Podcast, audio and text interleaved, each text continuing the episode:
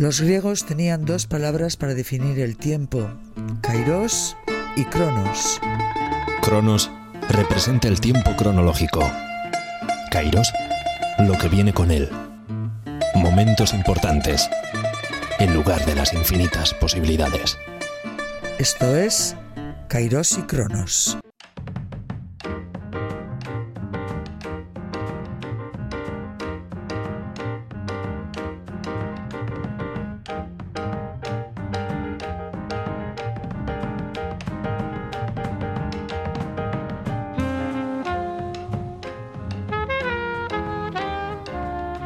Hola, ¿qué tal? Con este Aurrescu comenzamos hoy. Es la propuesta de la joven saxofonista vasca Aisea Martiartu, que reside en Barcelona, donde ha montado un grupo Folketic, Jazzera Ensemble.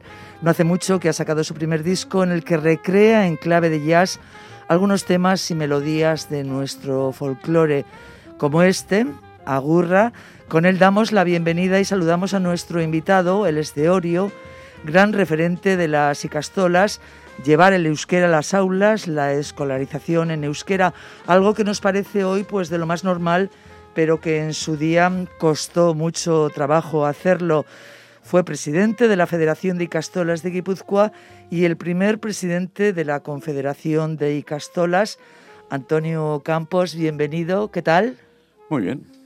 Jubilado ya, ¿no, Antonio? Sí, sí, sí. ¿Qué es lo que le gusta hacer ahora? ¿Cómo vive? Bueno, eh, activo. Eso está muy bien. Activo porque, o sea, me has eh, unido con el tema de las icastolas, pero digamos que mi vida eh, social empezó antes que con las icastolas, ¿no?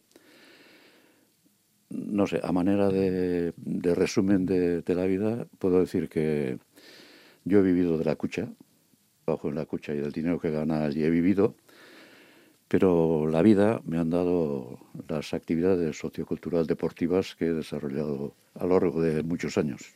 Luego vamos hablando de cada una de ellas. Con el COVID, ¿cómo, cómo lo llevamos? Este año ha sido un año muy duro. Evidentemente hay que hacer caso a las eh, recomendaciones que nos hacen desde todas las instituciones y desde nuestro, nuestro interior, el saber que, que tenemos que cuidarnos, ¿no? Sí, ahora mismo con, con ganas de quitarme el, el, este que llevamos en la, la mascarilla, porque nos Sí. toca hablar con mascarilla y no es fácil. Además, llevamos los dos gafas y se, nos, se, nos empe- se nos empañan. Sí. Nuestro invitado decía que además de las icastolas tiene pues, eh, otras cosas en su vida, luego vamos con ellas, pero empezamos, por ejemplo, con, con este aspecto. Decía yo que antes de, mm, de que llegara esto, de que, que lo vemos de lo más normal, había, mm, había mucho trabajo, mucho tesón, mucho empeño la implicación de muchas personas, de ti y de muchos otros y otras en el camino de la creación de las icastolas. Antonio, ¿cómo fue mm, el principio? ¿En qué fecha nos situamos, por ejemplo? Bueno, yo entré en la federación ahí por el año 80 por ahí, que fue que fueron los años del boom de, las icastolas, ¿no? Entonces, eh, a manera de resumen, diré que cuando yo entré en la federación había dos personas y media trabajando y cuando salí de la federación pues había veintitantos fijos en la federación, ¿no? Boom de las icastolas y boom también dentro de la federación. En fin, en un principio eh, las icastolas eh, comenzaron en plan sencillo, entonces eh, la financiación eh, iba a cuenta de, de los padres, se organizaban tómbolas, se organizaban tabernas, bares, ese tipo de cosas, ¿no? Pero llegó un momento en que eso no era suficiente, haría, falta algo más. Había que legalizar las icastolas y había que conseguir de alguna forma subvenciones importantes, ¿no? Y entonces, eh, bueno, empezamos a, a negociar con, con Madrid, entonces todavía no, no teníamos aquí la autonomía, y bueno, llegamos a conseguir eh, ayudas importantes. Yo recuerdo que conseguimos, hicimos un convenio de 500 y pico millones, ¿no? que eso fue importante. Y eh, claro, era desde Madrid una subvención a las icastolas, ¿no? Era una cosa como así como... Un poco raro, ¿verdad? Raro, ¿no? Y entonces eh, ellos mismos, Otero Nova, si recuerdo que eran ministros de, tipo de Franco y tal, ¿no?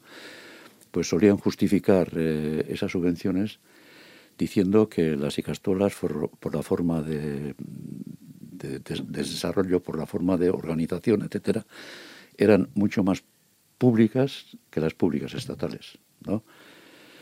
Entonces, eh, bueno, ese fue uno de los primeros. Eso es algo que, que tú compartes también. Sí, sí, sí. Sí, sí, sí. sí, porque, eh, no sé, público, el sentido público eh, muchas veces va relacionado para mí, son privadas de la administración. ¿no? Público es para mí lo que está más unido al propio pueblo, ¿no?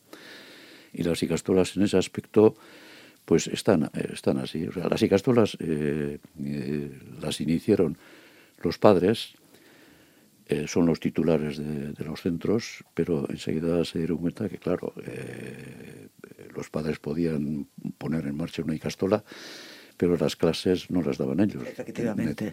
Les hacía falta profesores, ¿no?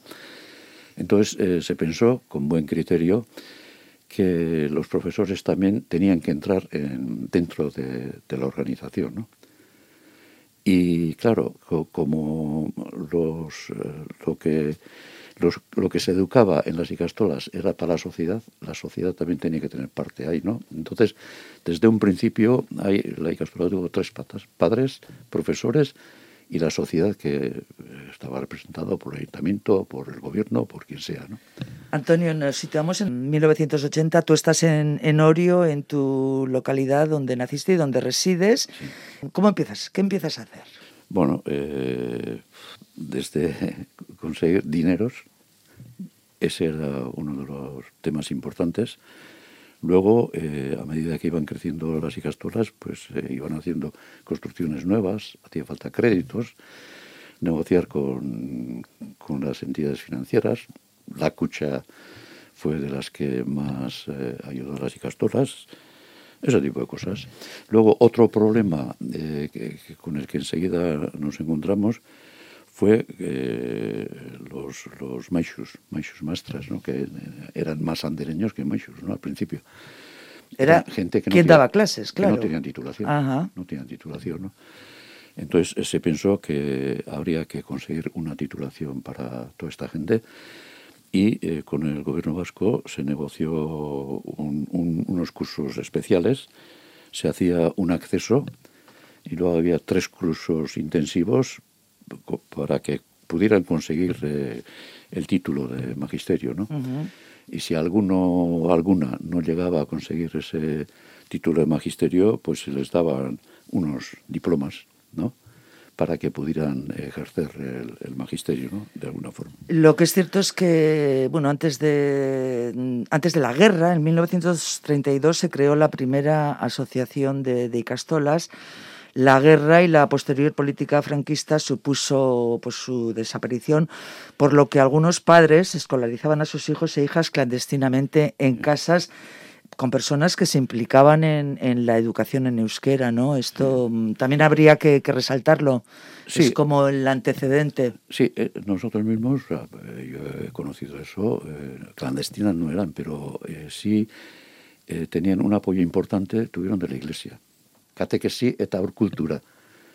¿no? Ahí empezaban los críos y con el, con, el, con el manto de la iglesia, pues de alguna forma estaban medio legalizados, ¿no? Estamos hablando de educación, también de pedagogía, de contenidos. Luego seguimos con este asunto porque me gustaría mm, conocer cómo fue su escuela, cómo, cómo la recuerda, su propia, su propia educación. La mía. Sí. Especial porque el maestro que tenía era mi padre. Bueno, yo estuve eh, hasta los 10 años y luego a los 11 años fui al seminario. Y entonces eh, allí hice los 5 años de, de, humanidades o de latín, que decíamos, ¿no? Tres años de filosofía, un año de teología y, salí de, del seminario, ¿no? Y el seminario sí imprimía carácter, era un, un sitio difícil, difícil. Como ejemplo, te puedo, un, un, domingo cualquiera, ¿no? Nos, levantábamos igual. En vez de a las seis y media, a las siete y media, misa, desayuno, eh, luego misa mayor, tiempo libre y antes de comer una hora de estudio, un domingo. ¿eh? Luego comíamos, teníamos tiempo libre hasta las seis y a las seis un acto religioso, vísperas, y a continuación un par de horas de estudio. Es el domingo. Un domingo. Cada cuatro domingos, cada cuatro domingos, uno solemos hacer película. ¿no? Bien, teniendo un, un domingo así, yo nunca en la vida normal he tenido la estelena que solía tener allí para empezar la semana. Quiere decir que viendo un domingo así y tener la estelena para empezar la semana, la semana solía ser dura. Has pasado muy alto, pues, muy deprisa por esa educación, has dicho, con, con tu padre. Cuéntame, ¿tu padre era maestro? Era maestro, sí. sí, Era maestro en, en, en, Orio. En Orio, en Orio. Ah, ¿Él es de Orio? ¿Él era de Orio? era de, de vino a Orio, allí encontró a la que le gustaba y se casaron y ahí vinimos nosotros. ¿no? Y evidentemente era una educación en castellano. Eh, sí, en sí, la sí, escuela, sí, ¿no? Era en la escuela de, de entonces que, que, todos conocemos. Claro, nosotros como todos eh, en la escuela éramos escadunes, pues, pues hablaba euskera también, ¿no? Pero la educación era en, en castellano, ¿no? Porque solía haber inspecciones y venía el inspector y, y tenía que ver en el tablero los, esto de la falange puestos allí para... Claro. Para, ¿no? Y el, el maestro tenía que explicar lo de lo de lo que había puesto allí, ¿no? Porque venía el inspector y preguntaba, yo os has explicado, ¿no? ¿Y cómo era eso de, de tener en, en clase, eh, has dicho que especial, eh, tener a, en clase a tu propio padre como, como maestro? Bueno, pues no sé, yo creo que eh, el hombre es un animal de costumbres, ¿no? Y se acostumbra a todo, ¿no? Y aquello también, pues para mí ya resultó normal, ¿no? El padre era el maestro y ya está, pues seguramente eh, era más duro conmigo que con los demás, porque claro, para mantener las disciplinas y yo, si no lo hacía conmigo, pues era más difícil hacer. Sí, que se, que se notara que no había fa favoritismo, ¿no? Porque todos los compañeros de clase supongo que sabían que el señor Sí. Campos era el padre de, de su de su colega, de su amigo Antonio Campos. Sí, sí. Hemos saltado a- hacia el, el seminario. Sí. ¿Querías ser sacerdote? Sí, sí, sí, sí. Bueno, de pequeño solía decir, eh, cuando me preguntaban, tú, no decía sacerdote, decía obispo. Obispo, mira. Le apetecía seguir eh, estar en ese ambiente, pero mandando. Arriba. Mandando. En un momento donde había muchos, eh, muchas personas, muchos hombres en el seminario, en, en Donostia había, mm, o en Guipúzcoa había más de un seminario, ¿no? No, No. seminario era eh, solamente este de las torres, eh, ¿no? Ese además lo inauguramos nosotros, eso sería el 42, 50 y, eh, 53, por ahí se inauguró, y lo inauguramos nosotros, ¿no? Eh, hasta entonces, pues eh, solían estar en Saturarán o en Vitoria, cuando se inauguró eso, todos vinieron a San Sebastián. Y el boom del seminario también fue terrible porque era un, edificio grande, eh, pero a los dos años tuvieron que reabrir otra vez eh, Saturarán porque no entraban todos. en O sea, porque había Sebastián. mucha, mucha gente, Sí, muchas sí. vocaciones, muchos eh, chicos que... Vocaciones no sé, pero Vocaciones no sabemos, pero que estaban allí. gente que nos apuntábamos y Bueno, y nos has contado cómo eran eh, esos domingos y cómo, cómo llegabas al lunes. Cuéntame cómo era el lunes, martes, miércoles, jueves, viernes y sábado. No, pues eh, era eh, estudio, clase, 10 minutos de recreo, estudio, clase, y, y luego a- la- a la- después de comer media hora y a la tarde una hora. Todo lo demás era estudio, clase, estudio, clase, Estudiar, clase. estudiar, estudiar, estudiar. Estudiar no sé si estudiábamos demasiado, pero tiempo de estudio teníamos. Ahí evidentemente mm, aprendió latín. Pues sí, latín y griego y kairos y todo eso ya aprendí. Kairos y cronos, ¿no? bueno, pues vamos a, vamos a ir con la primera de las canciones que, que ha elegido eh, para escuchar en este rato de conversación Antonio Campos, es el Requiem de Mozart. El acto litúrgico católico celebrado tras el fallecimiento de una persona eh, es en latín es la decimonovena y última misa de Mozart, aunque no pudo terminarla, murió antes de, mm, de finalizarla y fue el compositor Schussmayer quien, quien, hizo, quien lo hizo. Está dividido en siete bloques. Vamos a escuchar el introitus, compuesto en su totalidad por Mozart. Y luego, Antonio, me explicas eh, dónde, dónde te lleva o a dónde te trae este, este requiem.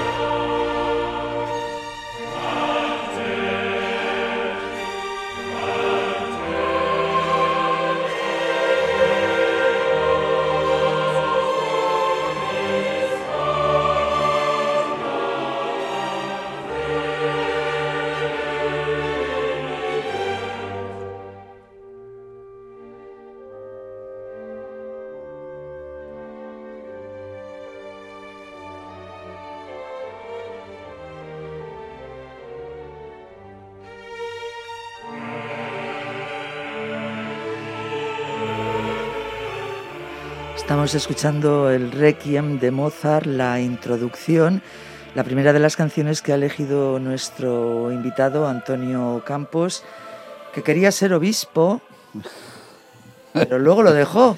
¿Y? ¿Por qué? Bueno, pues porque Pique no era, era ese. No era el camino elegido. Así como fui, volví. ¿no? Bueno, además, eh, como solemos tener. Eh, Claro, no, era, no éramos una gente que entraba al seminario y no salía de allí, sino que teníamos vacaciones, íbamos al pueblo. En fin, el contacto con, digamos, con la civilización no lo, no lo perdíamos. Y entonces, pues bueno, volví y, y muy bien. Y, decidió que no, no, era ese el camino que, que en un principio había elegido, pero que que no, no lo era y rectificó y se buscó un trabajo. Antes nos has hablado de, de que estuviste en, en, La en, la banca, en la cucha. Cuéntanos cómo, cómo, fueron, cómo fue ese trabajo al entrar y qué es lo que, Bueno. lo que hacía. Bueno, eh, enmendar ella, atender al público y punto, ¿no? Allí estuve unos cuantos años en Zarauz, luego abrieron una sucursal en Orio y fui me encargaron para abrir aquella sucursal y la puse en marcha y bien. Era el trabajo de levantarse, ir a trabajar y llevar el sueldo. Y, luego enseguida eh, me gustaba la actividad y, enseguida empecé a, meterme en, los temas, digamos, sociales deportivos. Y mi bautismo ahí fue, siendo normal, eh, con, con, el remo, ¿no? Entonces, el año 65 fundamos un club, Club de Remo Olímpico Orio. Eh, nosotros solíamos decir, o en Orio se decía que, que los remeros de Orio eran los mejores del mundo, ¿no? Entonces eh, nosotros pensamos, bueno, eso hay que demostrar, ¿no? Y si queremos demostrar que somos los mejores, tenemos que competir en las mismas eh, marcaciones que compiten en el mundo, ¿no? Que eran los Utrishers. Y por eso formamos Club de Remo Olímpico de Utrishers. Eso el 65. El 65 yo tenía entonces 23 años. Creamos el club. Eh, tuvo una progresión grande. En el 65 no teníamos embarcación, no teníamos nada, no sabíamos remar. Aprendimos a remar, compramos embarcaciones, no sé cómo, porque no teníamos dinero. ¿Y tú remabas? No, no, no, no. no, El, 65, o sea, el 65 eh, ponemos en marcha el club. El 66 ya éramos los mejores de, España. El 67 empezamos a salir al extranjero. El 68 organizamos las regatas internacionales con Osfor, Osfor Orio, que fue un auténtico espectáculo. Fue, creo que era la primera vez que salían Osfor de, las islas. Eso eh, lo conseguimos eh, por mediación de del conde de Motrico. Ah. Eh, nos enteramos que estaba de vacaciones en, Motrico, fuimos allí, hablamos con él, él nos dio la dirección del embajador de, Londres, Marqués de Santa Cruz, era. nos pusimos en contacto con él y, vino la embarcación de Oxford. ¿Y dónde regatearon? En, en Orio. En Orio. sí, eh, fue un auténtico espectáculo, porque fue televisado en directo, entonces, claro, ahora la televisión está por todas las esquinas, pero entonces una retransmisión en directo era algo importante, ¿no? Vino cantidad de gente, el espectáculo fue fantástico, ¿no? El 69 volvimos a hacer la regata esa eh, y entonces vinieron los dos, Oxford y Cambridge. Y Cambridge. Y luego se hizo durante varios años, ¿no? El 70 eh, pensamos que ya llevamos varios años eh, sin hacer lo que era propio de, de, Orio, la trainera, y entonces pensamos que íbamos a salir en la trainera.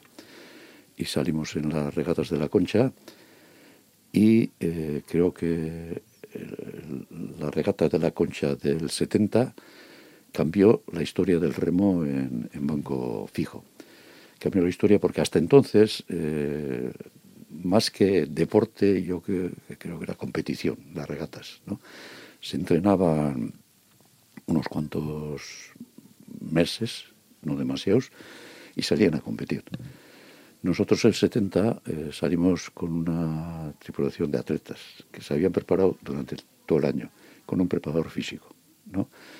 Era otro concepto. Era otro concepto. Y entonces, claro, eh, al segundo le sacamos un minuto. ¿no?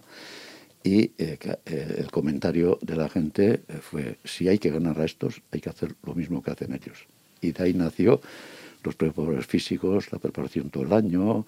Fin. Hay que entrenar todos los días, hay que ser como ellos, claro, porque si no... Se cambió y hoy los, los remeros son deportistas de élite.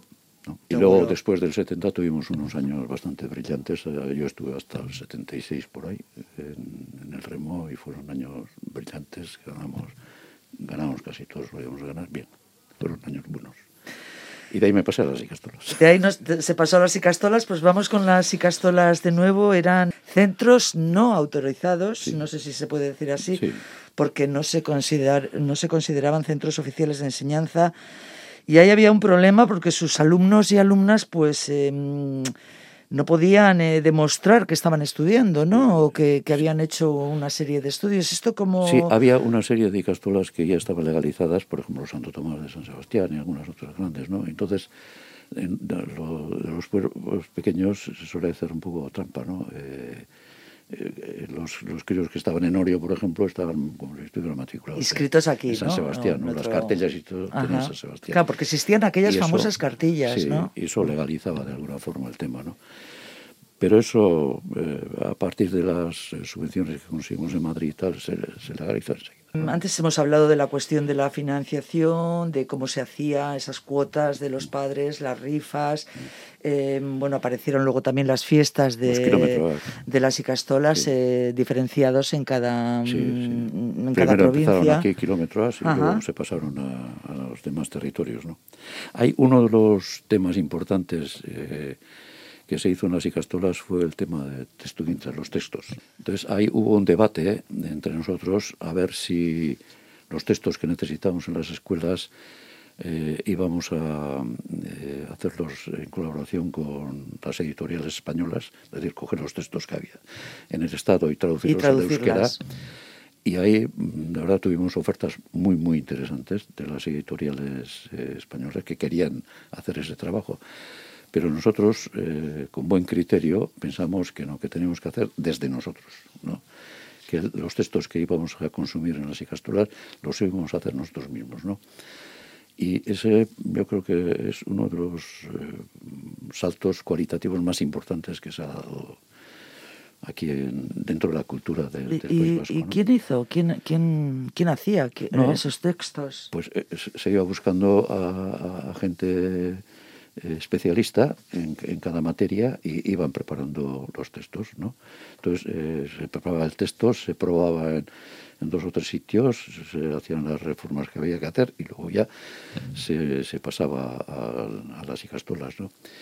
Y ese fue un paso importante por- porque eso eh, yo creo que le ha dado cultura al euskera, ¿no? En un principio las icastolas eh, pues serían eh, solamente, se pensó que si había que, que si el euskera tenía que perdurar eh, en, el tiempo, era fundamental que el euskera entrara en la icastola, ¿no? Entonces eh, eso se consiguió, pero el, hacer luego que todo- toda la educación que se daba allí, que era producto también de nosotros mismos, eso también le dio un, un plus más, ¿no? Eso mm, yo creo que fue una renovación pedagógica Sí, y, y educativa y que además eh, bueno se valoró muy bien, ¿no? De hecho, lo que se hacía lo- en las icastolas estaba, bueno, se veía, se admiraba en, en otros sitios, ¿no? Hoy hay cantidad de textos que, que hechos aquí que se traducen a, al A otros idiomas, al, castellano en concreto, porque ¿no? es, es un, un producto bueno, muy interesante, ¿no? Antes hablábamos también eh, los pasos que, mm, que se hicieron, que, que se, que se tenían que hacer para ser reconocidos como, como centros educativos. Antes de la aprobación de la autonomía del gobierno vasco hubo que tener esa relación con Madrid que decíamos Sí, que sí, sonaba un sí. poco rara. La educación se configuraba en- como en tres vertientes, dijéramos, ¿no? La pública, la privada y, Y las y las icastolas. Antonio Campos nos decía que eran, las icastolas eran bastante más públicas en ese sentido que... Hay, hay, claro, el concepto de, público, o sea, eh, si tenías que tener subvenciones tenías que ser centro público y las icastulas por, por, por ley éramos centros privados, entonces como fondos públicos para un centro privado, ¿no? Ese fue un debate que tuvimos ahí interesante. Eh, hubo un intento de crear un ente autónomo, EIKE, para eh, que dentro de él eh, eh, cogieran un barniz público las icastolas, pero no salió eso adelante. Pero bueno, al final se solucionan todos esos problemas.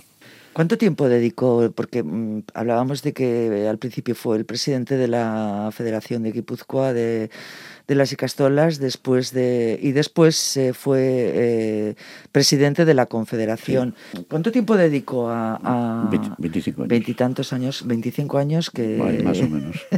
¿Y cómo era la relación, por ejemplo, entre bueno, pues la Federación de Vizcaya, la Federación de Álava, Muy- Navarra eh, y Parralde, ¿no? Muy buena, muy buena. Siempre ha sido una, una relación muy buena, extraordinaria. ¿Cuál era eh, la tarea fundamental de la, de la Confederación? Bueno, pues eh, desde conseguir subvenciones, eh, todo, el tema de la de, que fueran legalizar las icastolas, subvenciones, relación entre unos y otros, todo el tema pedagógico, porque los textos, nosotros hacíamos los textos, pero luego el, que había hecho el texto hacía cursos con los profesores para explicarles el sentido de los textos que había hecho. Todo ese tema pedagógico fue muy importante. ¿no? Luego, dentro de la federación, se puso en marcha también Bertsolariza, los Bertsolaris existían, pero se pensó que era importante también eh, un patrimonio cultural muy importante del pueblo vasco que entrara también en la Icastola. ¿no? Ahí hicimos un convenio con la Diputación de Guipúzcoa, eh, nos financió una persona, contratamos una persona y esa persona pues hizo un trabajo por todas las Icastolas para ir metiendo todo el tema de Bersolaris, ¿no? Y yo recuerdo, no sé qué año sería, pero sobre el 86-87 por ahí se, celebró el primer campeonato de, de Versolaris de, los escolares y se presentaron más de mil chavales, ¿no? Entonces fue una cosa interesante, ¿no? Se hicieron cosas importantes porque eh, también eh, aparecieron los ordenadores, eso también era fundamental, pues eh, se hizo para que las icastolas eh, pudieran comprar ordenadores a precios esto y tal, pues negociaciones con diversas entidades para que pudieran comprar esos ordenadores, ¿no? Luego cursos para, para adaptar los ordenadores a, a la escuela, todo ese tipo de cosas. Tu padre era maestro, ¿tú sabías algo de educación? No. No. Nada. Pero bueno, me imagino Pero, que supiste rodearte de, de, muy buena gente. De ¿no? gente buenísima. Yo, los sitios donde he estado, siempre me ha solido gustar que los que estén al lado mío sean bastante mejores que yo. Entonces, si consigues eso, aquello funciona. Efectivamente, el equipo siempre es importante en el remo y en, y en todos los en, todo, en, todo. en todos los sitios. Luego llegó eh, la ley de la Escuela Pública Vasca en el Sí. año 1993. Ahí, mm, bueno, hubo un debate muy Sí. importante. Sí, eso precisamente por la discusión esa de público-privado, de ahí vino, ¿no? Entonces todo, todo tiene que ser público y al final llegó la, la ley esa y bueno, las icastolas tuvieron que decidir algunas y más por temas económicos pues pasaron a, a las públicas, ¿no? Y eso pues rompió un poco el, el, el tema de las icastolas, ¿no? Pero bueno, las que las que quedaron quedaron con fuerza y ahí siguen hoy todavía, ¿no? Antes hablábamos de, de los profesores, de, de, aquellos primeros profesores de, de las icastolas eh, de los años 80 que eran pues gente que, que, sabía un poco y que quería, pues la gente que más sabía de, de, los pueblos, me imagino. No había mucha gente estudiando en ese momento no. eh, magisterio, ¿no? Ni, ni, magisterio ni otras carreras tampoco, ¿no? Magisterio, pues casi nadie. ¿no? Eh, había una escuela de magisterio en San Sebastián, pero no, no se matriculaban demasiados, ¿no? Se abrió otra escuela en Escorieza, y poco a poco pues fue cogiendo volumen el tema, ¿no? Ese pulso se ganó, el de llevar eh, el euskera, sí, la escolarización sí. en euskera. Sí, ¿Hay algún otro pulso que, que haya que ganar? Bueno, eh, lo que se quiso conseguir es introducir el euskera en, en, la escuela, eso se ha conseguido. Ahora lo que hay que conseguir es que el euskera se abra en la calle, ¿no? Y ese, eh, pues también es un tema que parece difícil, pues se puede conseguir, ¿no? Se puede conseguir.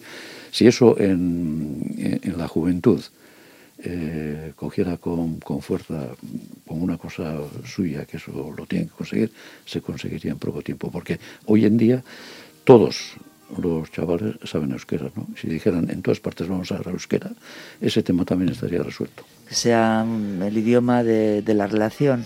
Sí. Vamos a escuchar la segunda de las canciones que, que ha elegido eh, nuestro invitado Antonio Compos, Balearen Bertsoak.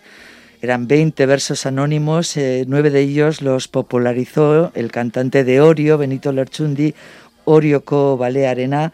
Él nos la ha pedido, yo le he puesto un, pequeño plus y, la cantan también alumnos y alumnas de, la Icastola de Orio en aquel kilómetro, aquella fiesta de las Icastolas de Guipúzcoa en 2004. La escuchamos.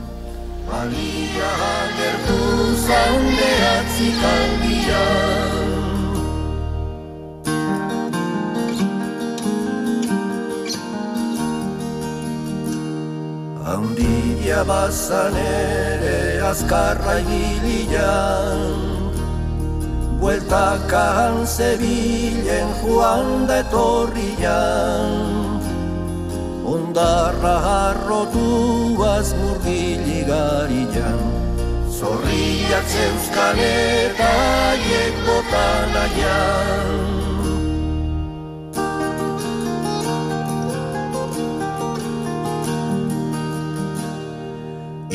ikusi zuten ian ala zebilela Beriala joan ziran treineruen bila Arpoita dinamitak eta sokabila Aguro ekartzeko etzan jende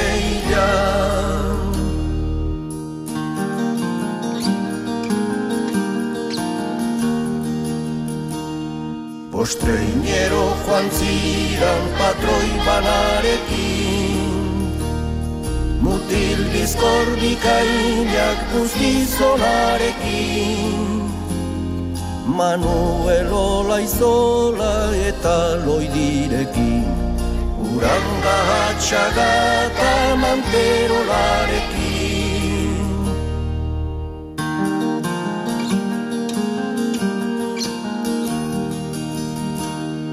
Baliak egindako salto tamarru bat. Ziran izugarri eta ikaratzeko bat. Atzera egin gabean goarrisku bat. Arko jakin hil zuten anziran anguak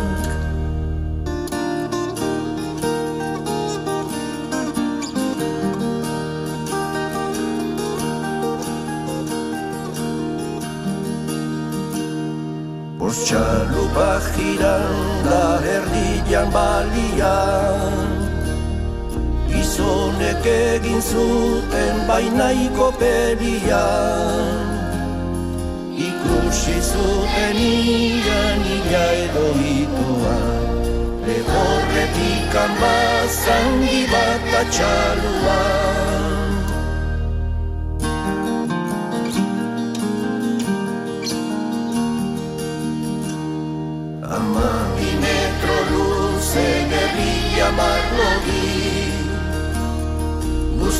palan lauza balarduetan palaldi Espainetan bizarrak beste hilera bi. Horraziak bezera izeuzkan ederdi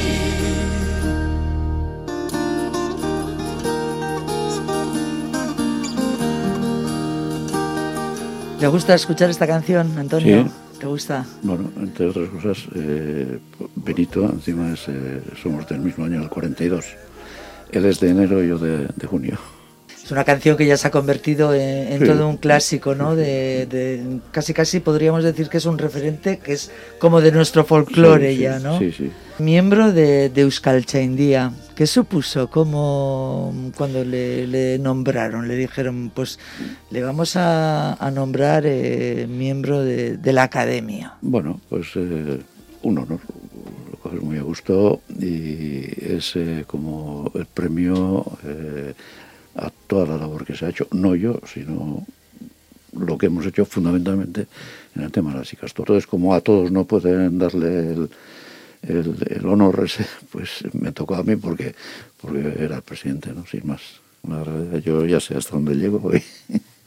Justo al principio en la presentación decíamos que, que Antonio, Antonio Campos ya, ya está jubilado y bueno, pues que lo que hace ahora es eh, vivir pero le preocupa cómo se llega a la jubilación, ¿no? Cómo, cómo hay que llegar y ser una persona activa. Hay, eh, bueno, toda la vida eh, estaba activo, desde los 23 años, ¿no? Y entonces ahora, una vez de jubilado, pues eh, no me encontraba yo sin hacer algo, ¿no?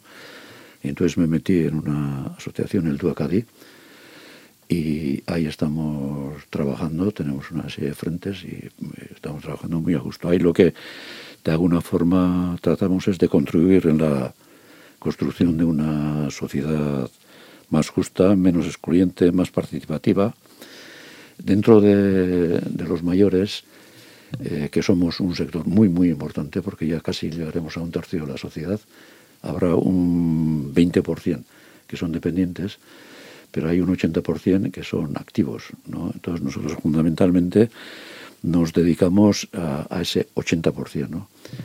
Y hay un objetivo claro, ¿no? En este mundo estamos para ser felices, ¿no? Y se puede ser felices en, todo, en, todas las, en todos los órdenes de vida, en todos los momentos de la vida, ¿no? Y hay un, eh, algo que, que, ayuda a conseguir esa felicidad, ¿no? Y no, hay, no es otra cosa que el ofrecer eh, algo de tu tiempo libre para los demás, ¿no? Y ese es un, un antídoto fenomenal para, para, conseguir la felicidad. Relacionarse, por ejemplo, ¿qué, ¿qué, qué, se hace desde el Duacadi? Bueno, eh, ahí eh, organizamos eh, todos los años, ya llevamos 10 o 11 cursos de verano, solemos organizar. Este año tenemos Defensa de la Sociedad del Bienestar en torno al feminismo y el envejecimiento. Las personas mayores de presente y de futuro. Ese es el tema que vamos a desarrollar este año. Bien interesante. Sí, sí, suelen ser unos cursos muy interesantes eh, y sobre todo por la participación. ¿no? Yo creo que de los cursos que se organizan en, en San Sebastián, en, Miramar. Sí, en, el, en, el, Palacio de Miramar, sí, sí. Pues igual serán de los que más aceptación suelen tener, ¿no? Eh, hay otro de los frentes que tenemos es el tema de las residencias. ¿No? Eh, este, bueno, ahí con el tema este del COVID y tal, pues ahí se ha visto que ahí había problemas, ¿no? Había muchas lagunas y había mucho que, mucho que hacer. Y entonces ese tema también lo estamos trabajando de alguna forma. Eh, las residencias tal como las conocemos ahora tendrán que existir, pero eh, yo pienso que fundamentalmente para ese 20% de dependientes, ¿no? Quizás eh, siendo los que están ahí más personas que números, pero más o menos eh, tal como están ahora, ¿no? Pero eh, la mayoría pensamos que nos hace falta otro tipo de residencias, ¿no? residencias que o tipo pisos tutelados, pero que estén dentro de los centros urbanos, que estén relacionados con la gente, eh, lo que no se puede hacer es a un mayor eh, llevarle a no sé dónde. Y luego un tema que se está trabajando mucho ahora es el de la asistencia domiciliaria. Ese también es un tema fundamental porque si eso se pone bien, se organiza bien eso, entonces eh, los mayores podrán seguir residiendo en sus, en sus pisos con esas ayudas. Pero no, qué sé yo, pues la persona que, que les cuida, que esté más preparada y que pueda desarrollar mejor ese trabajo de, de ayuda. ¿no? Y ahí estamos trabajando. Y luego eh, pensamos que en, en todo este tema es, es fundamental el, el, aprendizaje, el aprendizaje a lo largo de la vida. ¿no? Entonces, eh, eh, siempre, continuamente, tenemos que estar preparándonos para, para eso que decía, para ser felices. Eso también hay que aprender. ¿no? Y ahí, eh, en este momento, estamos trabajando ese tema y queremos eh, eh, hacer algún manual, un manual eh, que sirva tanto para las instituciones como para las asociaciones, como incluso personal, para que cada uno pueda hacer su plan de aprendizaje eh, según las circunstancias de su vida. Desde tu experiencia, Antonio, ¿crees que, que, la gente que ya, bueno, pues se va acercando a, a esa edad ya, pues eh, tiene cada vez mm, más ganas de, de, de, seguir haciendo cosas, de seguir preparándose, de seguir relacionándose? Sí, sí, yo creo que sí. Además es que ahí ocurre que muchas veces eh, claro, una persona si está trabajando toda la vida, llega a la jubilación y dice, ya está, ya ha terminado y ahora a disfrutar. Y disfrutar es no hacer nada. No. Pero, claro, enseguida se da cuenta de que no haciendo nada no se disfruta, ¿no? Y están los hogares de jubilados y tal, los clásicos, ¿no? Que va la gente allí a jugar a las cartas y tal, algún viajecito y tal. Y eso tampoco llena, hace falta algo más, ¿no? Eh, además, está ocurriendo ahora que, claro, la gente que se jubila cada vez está más preparada, ¿no? Eh, ha vivido otra otra vida ha vivido, ¿no? Entonces eh, necesitan otras cosas, ¿no? Entonces todo este tipo de, de, centros ¿no? pueden ayudar a que cada uno desarrolle eh, sus, sus sus facultades las ofrezca de alguna forma a la sociedad y eso llena. Además lo estamos viendo, o sea, hay mayor implicación en, en lo social e incluso en lo, en lo, político. Hay muchas reivindicaciones que hacer desde, desde ese ser mayor, ¿no? De, porque esto del edadismo, de, sí. del, de la cultura de lo joven, eh, dura un rato, porque sí. luego todos aspiramos a, a ser mayores, ¿no? Sí, sí, a ser mayores y ser felices. Ser felices Como dice Antonio Campos, ¿eres feliz? ¿Tienes hijos? ¿Tienes nietos? Sí, tengo. Eh, somos cuatro hermanos. Una murió, las dos hermanas, y luego nietos tengo cuatro, cuatro nietos. Disfrutar de, de, la familia, de esos hijos y de los nietos. Eh... Vienen a casa a comer todos los días. También es importante. Y allí solemos tener después de comer la, la icastola particular, ¿no? Terminan de comer y hacen los deberes y nos preguntan y tal, un poco de música, que si uno toca el, el violín, otra la flauta, ayudarles un poco. Y le preguntan, te preguntan por, pues por tu niñez, como, como, como te he preguntado yo antes, eh, pues escuela, cómo era, cómo, no, eso no, no, todavía no. Son, la mayor tiene 12, la más pequeña 10 o 9 años, pues todavía no. Ya te lo preguntarán, ya, ya te lo preguntarán y ya, ya conocerán eh, esa faceta tan importante de, de, su Aitite, de su abuelo, eh, con las icastolas y con todo lo demás, porque eh, hemos hablado de remo. ¿Hay algún otro deporte que, que, te haya interesado? ¿El fútbol, por ejemplo? ¿El boxeo? No sé. No, ¿No? no. Para ver todos los deportes, pero como dentro de la sangre, eso sí, el remo, eso ha sido eso eh, le he dedicado mucho tiempo, mm, le dediqué, ¿no? Y, y me dio muchas... Muchas satisfacciones muchas porque se ha llevado sí, sí. muchos muchos premios, ha llevado eh, su trainer. El, el 69, eh, una, eh, alguna revista o algún esto de Barcelona nos propuso como mejor club de España y se hizo una cena de gala en, en Barcelona. Yo creo que fui a Barcelona y tuve que alquilar un frago, un cacharro de esos para... para, para un traje así con pajarita. Sí, con pajarita y, para... y todo, todo, elegante. Y era eh, de toda España, y, pero no de, de, de deportes, sino de, de clubs de toda España, ¿no? Y nos dieron el tercer premio. O sea que Claro, el, el, haber dado las regatas internacionales por televisión y todo eso, pues nos dio mucho. mucho Les dio caché, evidente, evidentemente. Antonio Campos, nos tenemos que ir despidiendo. Muchísimas gracias eh, por compartir este tiempo y por compartir también y, y, hacernos partícipe de todo lo que ha aprendido en su vida a través de, del esfuerzo, del trabajo, del estudio porque Antonio, Antonio Campos nos ha contado que, que, cuando estaba en el seminario lo que hacían era estudiar, estudiar y estudiar.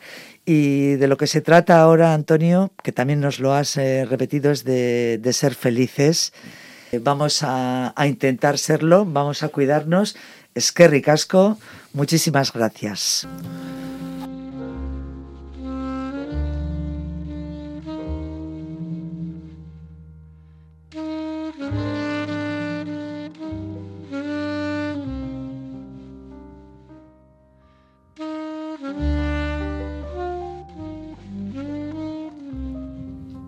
Nos vamos a despedir, pues prácticamente como hemos empezado con otro tema de la saxofonista vizcaína con su grupo Folketic, ya será Ensemble.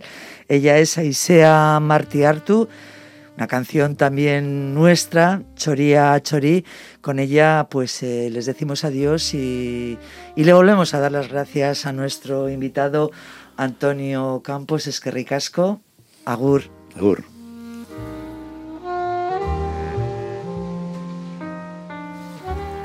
En la técnica Ayora Urdangarín, el saludo de Marijose Villaverde.